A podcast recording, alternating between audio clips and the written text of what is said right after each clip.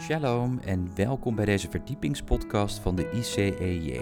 Mijn naam is Joshua Beukers en samen met Jacob Keegstra gaan wij weer een verdieping zoeken van de Hebreeuwse wortels van ons christelijk geloof. In aflevering 211 gaan we het hebben over wat zijn Torah-lezingen. Wij wensen u veel luisterplezier.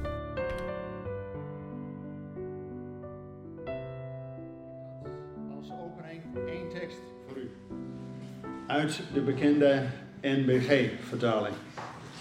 En dat is uit Jesaja 42, vers 21. Makkelijk te onthouden, 4, 2, 2, 1. En er staat, de Heer had er behagen in, ter wille van zijn gerechtigheid, een grote en heerlijke onderwijzing te geven. En er staat in het Hebreeuws Torah. Dus God wilde ons Torah geven. Onderwijzing. En dan niet zomaar, maar een grote en heerlijke onderwijzing. Nou, ik wil graag eerst met u nadenken over wat zijn dan al die Torah-lezingen, om vooral ook ja, als thema de Torah herontdekt. Vervolgens gaan we ook een voorbeeld over die eerste Torah-lezing, maar dat komt vanzelf. Eerst iets over die Torah. We weten, de eerste vijf boeken die God door Mozes heeft op laten schrijven. Wij kennen dat als Genesis, Exodus en hoe ging die verder? Ja. Ja, als groep komen we heel erg. We waren ooit eens keer op tournee in Denemarken en dan vroeg ik dezelfde vraag. En toen zeiden ze gewoon, eerste boek van Mozes, tweede boek van Mozes, derde boek. Ja, maar dat laat ook iets zien. Het is namelijk niet zomaar vijf losse onderdelen. Ze worden verbonden door het woordje en. Het is dus Genesis, Bereshit, en Exodus, en Leviticus. Dus het is één handreiking van God. Wel vijf onderdelen. En als je een hand hebt, kijk eens naar je eigen hand. Links rechts, zo voor achter. Eigenlijk zijn het 4 plus 1, hè? Vier vingers en één die het vasthoudt. Zonder duim kun je niks vasthouden. Dan glijdt het je uit de vingers. En dus ook met de Torah is een handreiking van God. Heel veel in de Bijbel, het Hebreeuws, is aanschouwelijk onderwijs.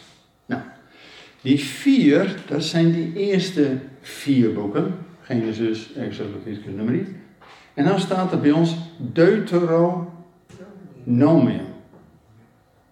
Uit Latijn betekent tweede wet. Nou, God heeft maar één wet, één Torah. Maar dat is eigenlijk de samenvatting. Dus in wezen te vergelijken met die vier en die vijfde, houdt het samen. Zodat je een handvol. Maar die vijf boeken van de Torah. En was blij dat uh, bij de opening direct al psalmen werden gelezen. En niet zomaar een psalm, 105 is niet zomaar een psalm. Maar die vijf woorden, vijf boeken van onderwijzing. Weet je wat het eerste lied is in de Bijbel? Als Mozes met de Israëlieten door de Schelzee en die farao had nog geen zwemdiploma. Dus dan zingen ze het eerste lied, De Heer is mijn sterkte. Komt allemaal bij God vandaan. En wat is dan onze reactie? Hij is ons lied. Psalm. Hij doet ons zijn heil, zijn Yeshua zien. Dus het begint bij God. God geeft iets. Alleen onderwijs, maar ze alle krachten komt Dan is onze reactie hooguit, kunnen niks anders doen, hebben bij God niks in te brengen, maar wel loflied. Nou, dat is, betekent dus ook dat die vijf boeken, de Torah, is een eenheid, één handreiking van God. En wij kennen het Bijbelboek Psalmen als één boek. één boek van de Psalmen. Als je iets verder erin duikt, zie je dat die is opgedeeld in vijf verschillende boeken der psalmen. Kijk maar eens Psalm 107, staat er bij de meeste vertalingen boven. Vijfde boek de Psalm. Dus als wij een vijfvoudige onderwijzing van God krijgen, wil God ook dat we met de volledige hand vijfvoudig hem mogen en prijzen. En als je er nog verder op ingaat, ik ga het nu niet doen, maar die vijf boeken hebben ook alles te maken met de indeling van die vijf boeken van de psalmen. Direct Psalm 1. Waar gaat uh, Psalm 1 over? In het Hebreeuws, Hatsere Ha'is. What a paradise it is for the man. Nou, als dat niet over paradijs gaat, dan weet ik het niet meer. Dus al die 150 psalmen, ingedeeld naar vijf boeken, hebben een samenhang met de onderwijzing van God. Maar die vijf zien we wel veel meer in de Bijbel. Bijvoorbeeld Nieuw Testament, God heeft aan de gemeente bedieningen gegeven. Ook weer een vijfvoudige bediening. Maar het is niet de bedoeling dat die vijf bedieningen elk hun eigen kant op gaan. Dan heb je een probleem hè, in een gemeente. Als de apostel direct zegt, oh, nieuwe uh, dingen, weer nieuwe dingen, weer nieuwe dingen. Hallo, de rest moet wel mee kunnen komen. Dus het is bedoeld dat het één bediening in vijf onderdelen. Oké. Gods Torah betekent onderwijzing. Van datzelfde woord is ook afgeleid leraar, more. Nou, die Torah is het begin van Gods woord. En alle principes van Gods woord, van de hele Bijbel, liggen al in het begin. Daar wordt het gefundeerd. En de rest van de Bijbel bouwt erop voort. En het mooie is, dat is door 40 Joodse schrijvers 1500 jaar over gedaan om dit te schrijven. Dus Johannes op Patmos, die heeft Mozes niet fysiek gezien. Nee, er zit 1500 jaar tussen. En toch is het een eenheid. Hoe komt dat? Omdat God zelf door zijn geest het heeft laten opschrijven. En dat hij op het eind van de Bijbel niet iets anders zegt dan aan het begin.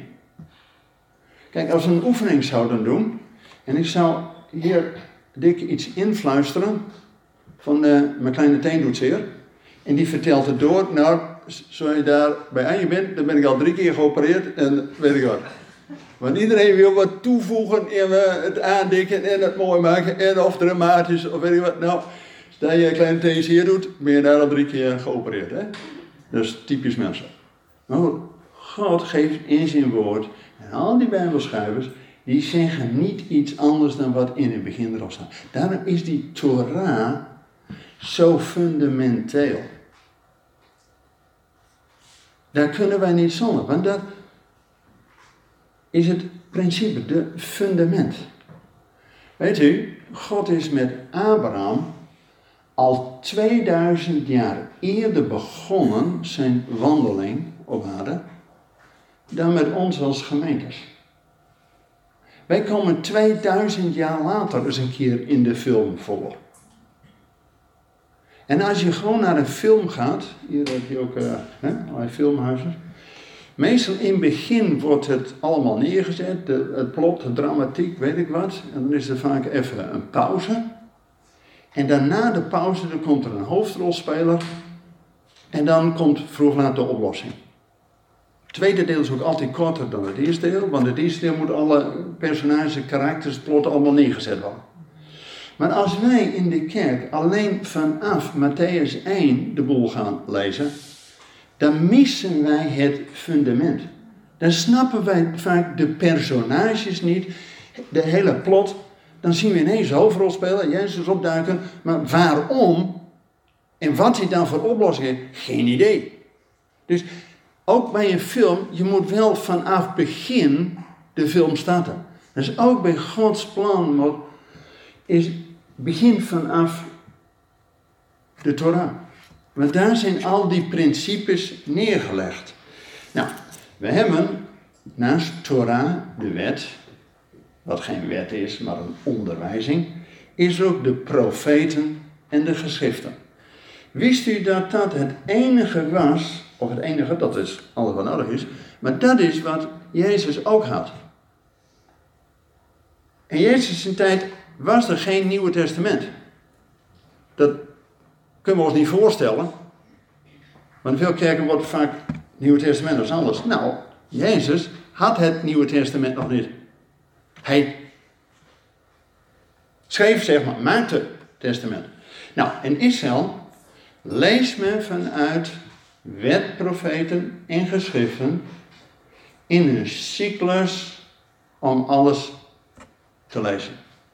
En de hoofdzaak is dat je iedere week een deel leest uit wet en profeet. Dat zijn de belangrijkste. Ook Jezus zegt, hè, want wat is het grote gebod? Het grote gebod. En hier hangen, hieraan hangen heel de wet en profeten. Ja? Nou, en die lezing per week wordt ook wel parasha genoemd. Ook wel Torah-lezing. Dat is dus altijd een deel uit de Torah met een bijpassend profetenlezing. Nou, we kennen, en dat gaan we straks ook nog wel eh, verder uitdiepen, dat in Israël zijn er verschillende lezingen. Er is een eenjarige cyclus en een driejarige cyclus. Laten we even eenvoudig de meeste gebruiken het eenjarige cyclus. Betekent dat die hele Torah, die eerste vijf boeken van Mozes, zijn ingedeeld in 54 onderdelen. Waarom 54? Waarom niet gewoon 52? Een jaar heeft toch 52 weken? Nou, het zit natuurlijk in de Hebreeuwse kalender. Soms valt Pesach vroeg, soms iets laat. Dus ze hebben het gewoon veiligheidshalve 54 porties parasha's verdeeld. Nou, en daaraan gekoppeld een uh, profetenlezing. En hoe is nou die, om per week, iedere Shabbat wordt het dus wereldwijd gelezen. Hè? Weet je, dat dat zo mooi is, dat geeft gewoon rust in de tent. Kijk, als wij op zondag in een gemeente zijn, nou voor de helft, nou 90% van de keer, u weet niet waar die voorganger over gaat spreken. Geen idee. Met andere woorden, je kunt je niet voorbereiden. Het mooie van Israël is dat ze al 2000 jaar lang een vaste lezingencyclus hebben. Betekent of je nou in Jeruzalem zit, of in New York, of in uh, Zwolle, maakt niet uit. Die lezing is wereldwijd hetzelfde. En je weet dat al van tevoren. Sterker nog, in Israël leest men iedere dag één hoofdstuk thuis. Het huiswerk doe je thuis. De opbouw van je gezin. En dan na zes dagen heb je zes hoofdstukken gehad. En wat doe je dan op die zevende dag? Dan kom je bij elkaar en dan ga je die zes hoofdstukken met elkaar bespreken. Wat heeft God jou laten zien in hoofdstuk 1? Wat kunnen we leren van hoofdstuk 2? Hoe moeten we hoofdstuk 3 bekijken? Nou, en daar mag best discussie over zijn. Aan Jodenkerk. Discussie. Want door discussie komt de waarheid naar boven. Weet u, ik zit al jaren in het onderwijs. Ons onderwijssysteem faalt aan alle kanten. En waarom? En dat is ook in de kerk doorgetrokken. Dat is het Griekse model. Er zit er één man op het podium, heeft een heel verhaal. Nou, u bent straks nog niet bij de koffie en 90% bent u kwijt. Dan is de effectiviteit toch niet zo groot. En daarom zijn er in het onderwijs, daardoor, dat je niet alleen de hoogcolleges hebt, maar ook werkcolleges. Je gewoon met z'n allen wat gaat doen. Nou, in Israël hebben ze alleen maar werkcolleges. Dat wanneer je op de zevende dag samenkomt, dat je met elkaar bespreekt, wat wil God ons in die zes hoofdstukken leren. Gaat om leren. Dat we er wat aan hebben. Ja, niet alleen maar een beetje filosofisch, uh, weet je wat. Nee, maar dat we er wat aan hebben voor ons leven de volgende week. Nou, en die parasha, die portie die iedere week er is, heeft ook een naam. En die is afhankelijk van welke lezing er in die cyclus is. En meestal is dat zo, het eerste zelfstandige naam in die portie, parasha, dat wordt de titel van het hele gedeelte. Dus het is op zich makkelijk. Binnenkort starten ze natuurlijk weer met Genesis 1. En in het Hebreeuws is dat het woord Bereshit, in het begin. Daarna heb je Noach. En dan is die Shabbat, heet Shabbat Noach. En dan, Genesis 12, de derde week, gaat het over Abraham. Dat die wordt geroepen. Nou, die parasha heet ook trek uit, leg lichaam. En zo wordt dus iedere week het ingegaan. En dat geeft zoveel herkenning. Even een voorbeeld. Toen in 1991 Saddam Hussein met al die skutraketten begon. Weet je misschien nog wel, die golfoorlog. Eerst op Kuwait, maar al heel snel draaide hij het om en er werd Tel Aviv belaagd. Mijn vrouw zat toen in Israël, heeft ook 37 skutraketten op haar gehad. Iedere keer weer in schelkelder, gasmasker op en nou ja, noem alles maar op. Maar toen lazen ze die weken van 16 januari tot uh, eind maart, was dat, duurde 7 weken, las men het gedeelte, iedere week wat men gewend is. Wanneer eindigde die hele golfoorlog? Vlak voor Purim. Nou, en dan gaan de rabbijnen natuurlijk ook een link maken tussen wat God ons door zijn woord wil zeggen en waar we nou doorheen gaan. En dat vind ik het sterke van Israël. Dat ze niet Gods woord een beetje theologiseren en nou ja, dan gaan we over tot de orde van de dag. Nee, de situatie waar we in leven wordt gelegd naast Gods woord en Gods woord gelegd naar hoe we mogen leven. Dan heb je verbinding, heb je 100% beklijving. Dan gaat dat uitwerken in je leven. Want die onderwijzing is niet om, nou ja, leuk, hebben we een mooi verhaaltje gehoord. Nee, waar begint de beleidenis van Israël mee? Kent u misschien? Shema Israël, dat is het gehoor. En wij vatten dat op, nou, prima jong, we luisteren even. Daarna gaan we toch weer ons eigen ding doen. Nee, in het Hebreeuws is het Shema, dat horen, heeft alles met gehoorzamen. Nou, wat is gehoorzamen? Zijn vaste ouders in de zaal. Hoe zit het met je kinderen? Luisteren wel, maar gehoorzamen. Wij, wij, hebben dat allemaal uit elkaar getrokken. He, luister wel, maar doen we anders. Nou, in de Bijbel is het gehoorzamen. Dan geef je gehoor aan wat God zegt. Ja? Oké. Nou, even verder. In het Hebreeuws, en daar hebben we natuurlijk in deze series Hebreeuws denken en de Hebreeuwse wortels van ons geloof vaker over gehad, dat in het Hebreeuws draait alles om het centrum. In een Nederlands boek begint het aan het begin, hè, meestal uh, mooi, dan komt er een crisis, de ellende, en dan hopelijk uh, op het einde de verlossing. En mis de laatste pagina niet, want anders heb je een beroerde dag. En zo zijn alle onze romans opgebouwd. Zelfs onze reclames. Moet je eens maar eens kijken. Wordt er een jochie op tv, hele vieze tanden. Maar gelukkig, er is weer protein, Colgate, weet ik hoe ze allemaal heten. En ineens stralend gaat het weer verder. Nou, met andere woorden, ellende, verlossing, dankbaarheid. Hè? Ja. ja, precies hetzelfde patroon. Nou, maar in het Hebreeuws heb je ook een begin en een eind. Ieder hoofdstuk, ieder Bijbelboek heeft een begin en een eind. Logisch. Het is het kader waar God iets wil vertellen. Maar het draait altijd in het Hebreeuws om het centrum. Dus vergeet dat niet. Laten we even kijken. In die Torah, die onderwijs, in de eerste vijf boeken, begint het uiteraard met Genesis 1 vers 1. In het begin. En vooral dat God begint. Hè? Het is niet zo, wij hebben alles gemaakt. Nee, in het begin schiep God. Ja, dus begint bij God. En dan die vijf boeken. Begin is Genesis 1. Het centrum is Leviticus 19, vers 8 Heb je naaste lief als jezelf, want ik ben de Heer. Hier wordt de horizontale lijn, heb je naaste lief, verbonden met de verticale lijn. Jongens, en je kunt God niet lief hebben zegt Jezus ook, als je je naaste niet lief hebt.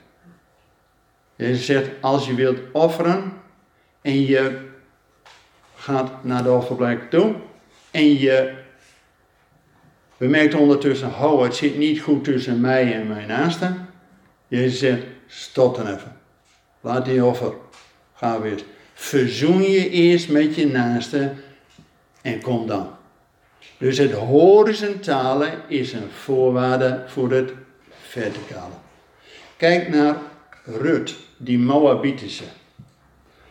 Die was als, laten we zeggen, eerste niet-Jood ingevoegd in Israël.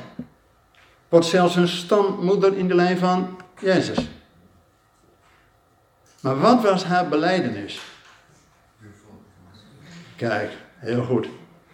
Het begint dus niet, oh nou, ik wil die God van u nog wel dienen, maar dat volk, nou nee joh.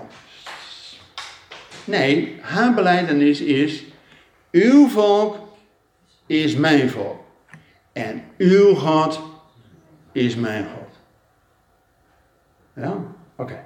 Nou, en het slot van die Torah, Deuteronomium 34, in het Hebreeuws, allerlaatste woord is het woord Israël. Betekent als je de Torah uit hebt en weer opnieuw start, is het keerpunt dus Israël. Weet u wat Israël betekent?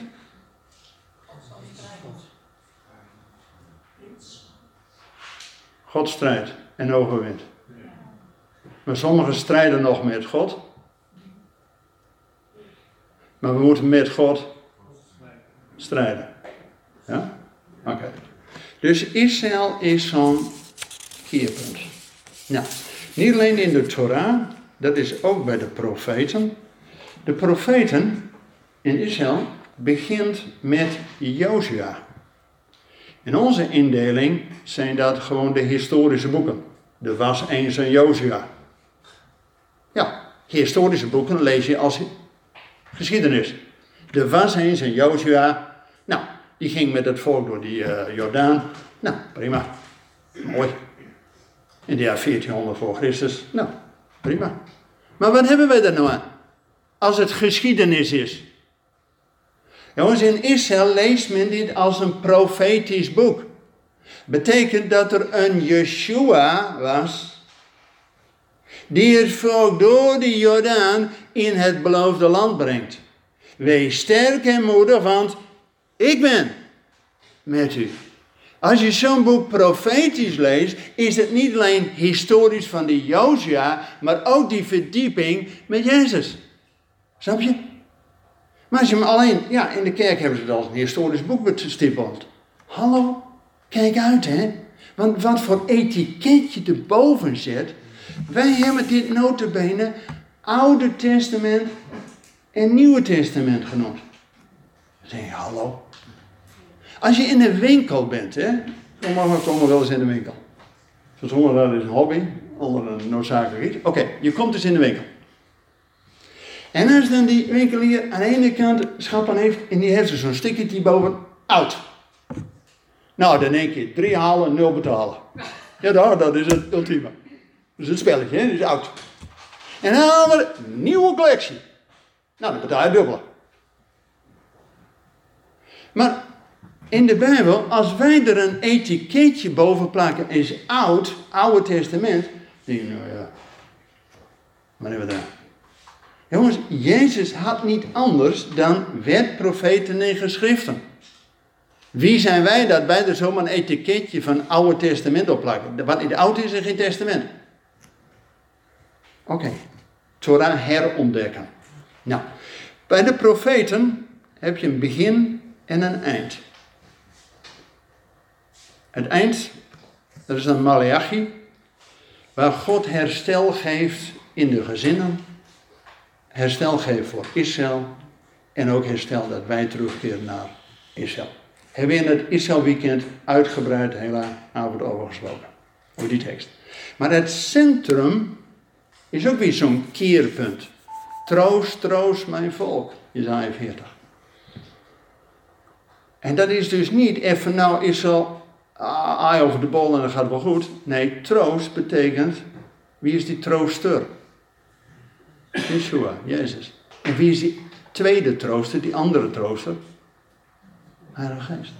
Dus troost, troost mijn volk betekent dat ook wij Israël moeten laten zien wie hun Messias is en wie hun, hoe Gods geest ook voor hun kan werken. Dat is troosten. Oké.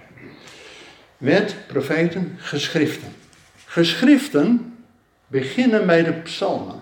Nou, psalm 1, hebben we net gehad. Het slot van de geschriften, moet je nagaan, 2 Kronieken 36, dat er een heidense koning is, Kores, in het eerste jaar van zijn regering. Dus niet aan het eind dat hij geld heeft gespaard, denk nou ja, vroeg, vooruit lijkt ook een paar goede doelen steunen. Nee, in het eerste jaar van zijn regering zegt hij, als er nou iemand in mijn rijk deel is van Israël, hij trekt op, maakt Alia. En hij sponsorde dat ook nog. Als je leest hoeveel gouden voorwerpen meegingen, dan denk je, nou. Er ging voor, uh, nou, ik denk voor miljoenen aan geld mee. Er zijn lijst van 500 gouden voorwerpen die meegingen. Dan denk je, nou. Ze waren een paar duizend kilometer onderweg, hè? Zo. Maar een heidense koning zegt, als er deel is van Israël, hij trekt op, maakt alia, move. Zo. Stop. Maar het centrum, het gaat over die feestrollen. Nou, er zijn ook weer vijf feestrollen. Het voert nu te ver. Komt allemaal. Nou, waar gaan we het over hebben vandaag? Die was. Gaat hebben over die Torah herontdekt. Maar we lezen in Matthäus 5 dat Jezus kwam om die Torah te vervullen. Dus niet om af te schaffen, maar om te vervullen. Er staat wel in de NBG, die we meestal nog kennen, Romeinen 10, daar staat zo'n tekst: Jezus is het einde van de wet. Nou, als je dat oppervlakkig leest, dan denk je, nou, hij is het einde van de wet. Nou, dan kun de wet wel afschaffen. Ja toch, als je dat gewoon als Nederlander zo gewoon leest, dan denk je, nou, hij is het einde van de wet. Hartstikke mooi, maar afgelopen. Maar wat staat er in het Griekse origineel? Jezus is de telos van de nomos. Telos betekent je doel. Dus hij was dat focuspunt, hij was het centrale. Niet voor niks dat ook gelaten zegt, in de volheid van de tijd kwam Jezus. Hij was in de tijd, maar ook het focuspunt. Hij is de bedoeling van die taal. Niet voor niks dat Mozes, moet nagaan hè, Mozes was de grootste profeet uit het, wat we noemen, Oude Testament. En hij verwijst naar die andere profeet. Dus ook de hele Torah wijst naar die Messias. Nou, en als Jezus dan komt, hij is die bedoeling, die telos van de nomos. Nou, en dan ook Jezus zegt, ook weer zo'n cruciaal moment, de dag van de opstanding. Nou, dat is toch voor ons, uh, nou ja, cruciaal betekent de kruis. Maar ook uh, opstanding, dag van de omkering. Hè? Ik bedoel, wij leven vanuit opstanding. Ja toch? Dus wat doet Jezus op de dag van de opstanding? Eerst aan die Emmausgangers en daarna aan zijn elf bange discipelen. Wat zegt Jezus op de paaszondag? Lucas 24, daar staat. Jezus zegt, dit zijn de woorden die ik tot u sprak toen ik nog bij u was. Dat alles vervuld moet worden wat over mij geschreven staat in de wet van Mozes en in de profeten en in de psalmen. En waarom zegt hij nou niet geschriften? Omdat de geschriften beginnen met de psalmen. Dus je kan ook zeggen wet, profeten en de psalmen. Dus Jezus citeert alleen uit wet, profeten en geschriften. Nieuw Testament bestond nog niet. En dan vervolgens ook in handelingen, wanneer die eerste mensen tot geloof komen, wat staat er in handelingen 2? En zij volharden in de leer van de apostelen. Wat hadden die apostelen voor leer? Was dat de kerkorde van 1831? Eh, nee, die bestond nog niet. Wat hadden die apostelen voor leer?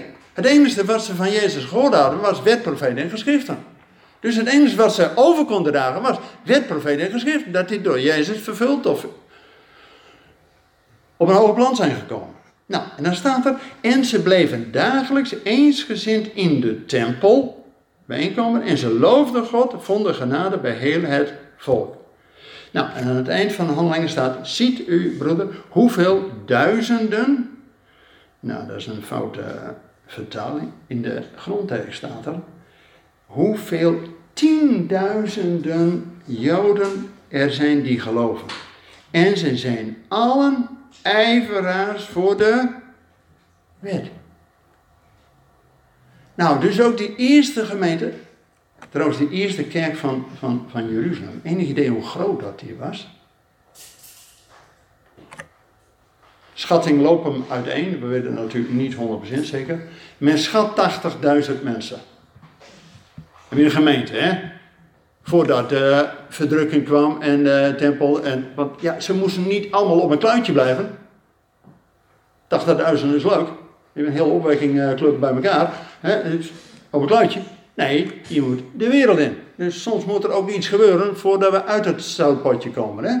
We allemaal in het zoutpotje blijven. Nee, we moeten eruit. Nou, maar dat is heel duidelijk. Ze blijven bij de leer van de apostelen. Nou, die hadden niks anders dan wet, profeet en geschriften. En ze waren ijveraars voor de Torah. Nou, als de eerste gemeente de Torah niet heeft afgeschaft, kunnen wij dat toch ook niet?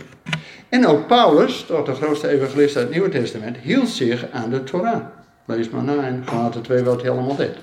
En dan ook, als Jezus zegt met de grote opdracht, Matthäus 28, leert hen alles wat ik u gezegd heb?